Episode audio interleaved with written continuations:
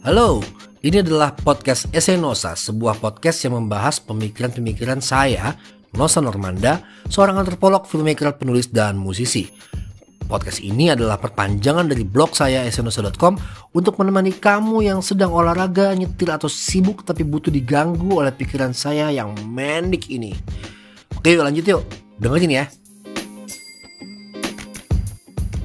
Halo ya, ketemu lagi sama gue Nosa dan gue lagi di WWF sekarang untuk uh, bikin podcast-podcastan di Esenosa. Kebetulan ada teman-teman gue di sini yang bisa ngobrol macam-macam tentang lingkungan, tentang plastik, tentang konsumsi. Nah, gue akan fokus soal konsumsi sih hari ini gitu. Sebagai kita kan semuanya konsumen ya. Ya nanti habis ini gue akan ngundang dua orang teman gue yang satu ngurusin plastik, yang satu ngurusin anak muda gitu. Siapa kan mereka?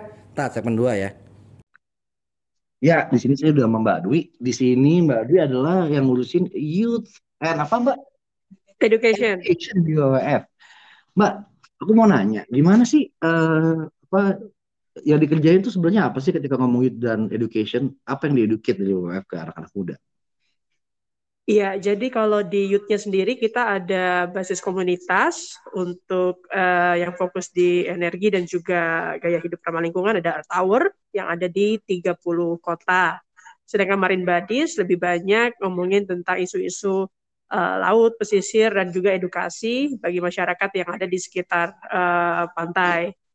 Begitu, Mas. Sedangkan edukasi uh, kita lebih banyak uh, membuat modul-modul uh, yang berkaitan dengan edukasi di WWF gitu ya. Kita integrasi juga dengan beberapa unit seperti Panda Mobile dan juga uh, teman-teman Earth Hour yang memang fokusnya di sekolah.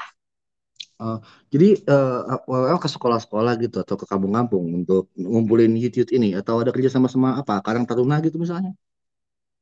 Betul, kalau untuk yang youth kita memang kerjasama juga beberapa pemuda yang ada di site-nya WWF seperti hmm kemarin kita sempat edukasi di Jambi pemuda-pemuda yang ada di Tebo itu menjadi salah satu uh, apa site WWF di Jambi yang mana pemuda-pemuda itu mereka lah yang mengedukasi warga-warga sekitar juga untuk bagaimana mengantisipasi terkait uh, satwa liar, udah gitu juga hmm. edukasi tentang lingkungan ke sekolah-sekolah seperti itu.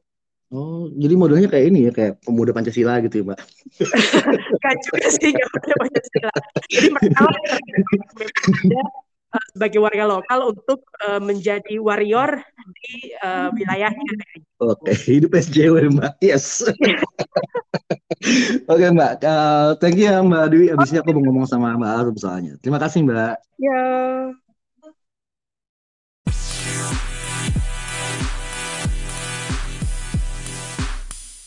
Mas Nusa.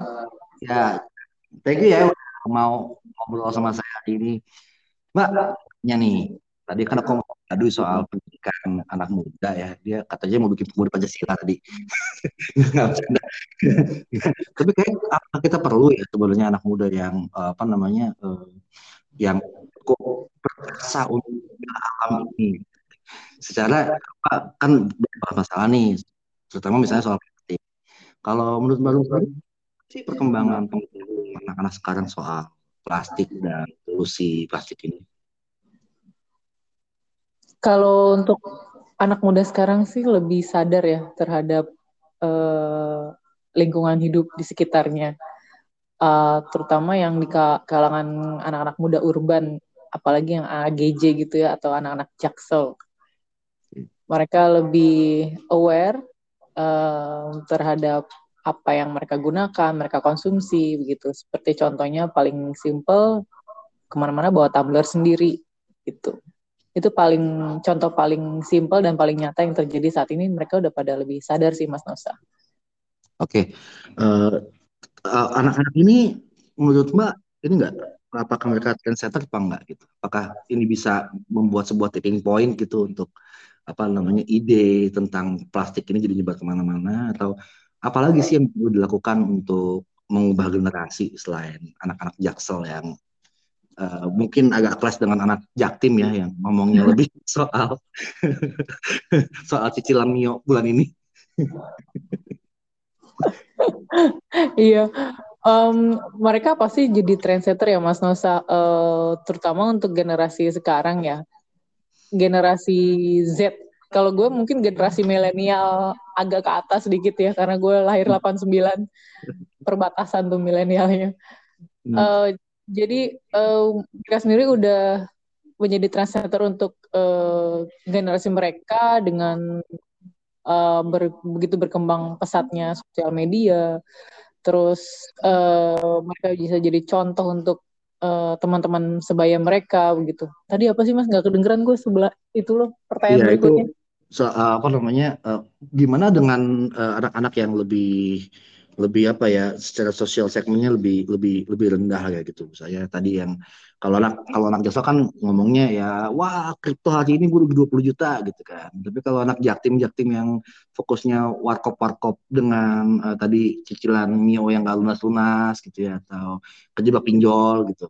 Itu gimana tuh untuk mendidik soal uh, plastik dan kebutuhan konsumsi yang lebih besar yang apa yang sustainable Kalau gue lihat sih kita bisa mulai dari um, sosial media sih itu uh, jadi tools kita uh, untuk mempromosikan untuk me, apa ya menyuarakan bahwa uh, plastik itu berbahaya loh ke depannya gitu. Jadi mungkin lewat lewat sosial media itu menjadi viral terus ya kita bisa uh, meningkatkan kesadaran mereka dari situ gitu. Iya ya, mungkin uh, awareness is one thing but action is another thing gitu kan. Iya, ya, betul betul betul. Jadi mungkin bisa aja kayak di sosial media itu bikin semacam kampanye-kampanye tentang betul. Uh, bagaimana bisa membayar cicilan mio atau melunasi pinjol dengan jualan plastik gitu ya. kita ambil sampah-sampah plastik kita olah dan kita jual, kita kiloin gitu kan. Bisa membantu keluarga. Hati-hati jangan kelilit pinjol loh, Mas. Oke Mbak. Thank you Mbak Rum ya. Aku uh, thank, thank you banget udah uh, mau mau ini. Thank you Mbak. Sama-sama.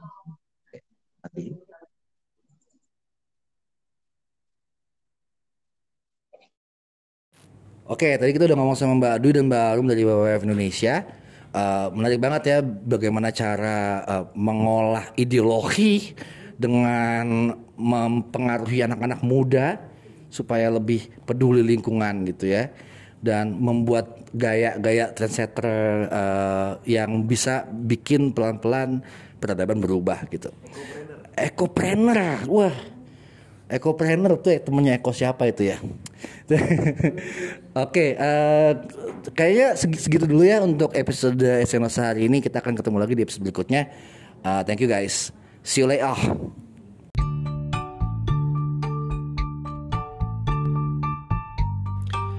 Terima kasih sudah mendengarkan podcast ini. Podcast dan blog Esenosa jalan dengan sumbangan. Kalau kalian suka yang kalian dengar, kunjungi link di deskripsi podcast ini atau ketik traktir.id slash esenosa. Sampai jumpa di podcast berikutnya.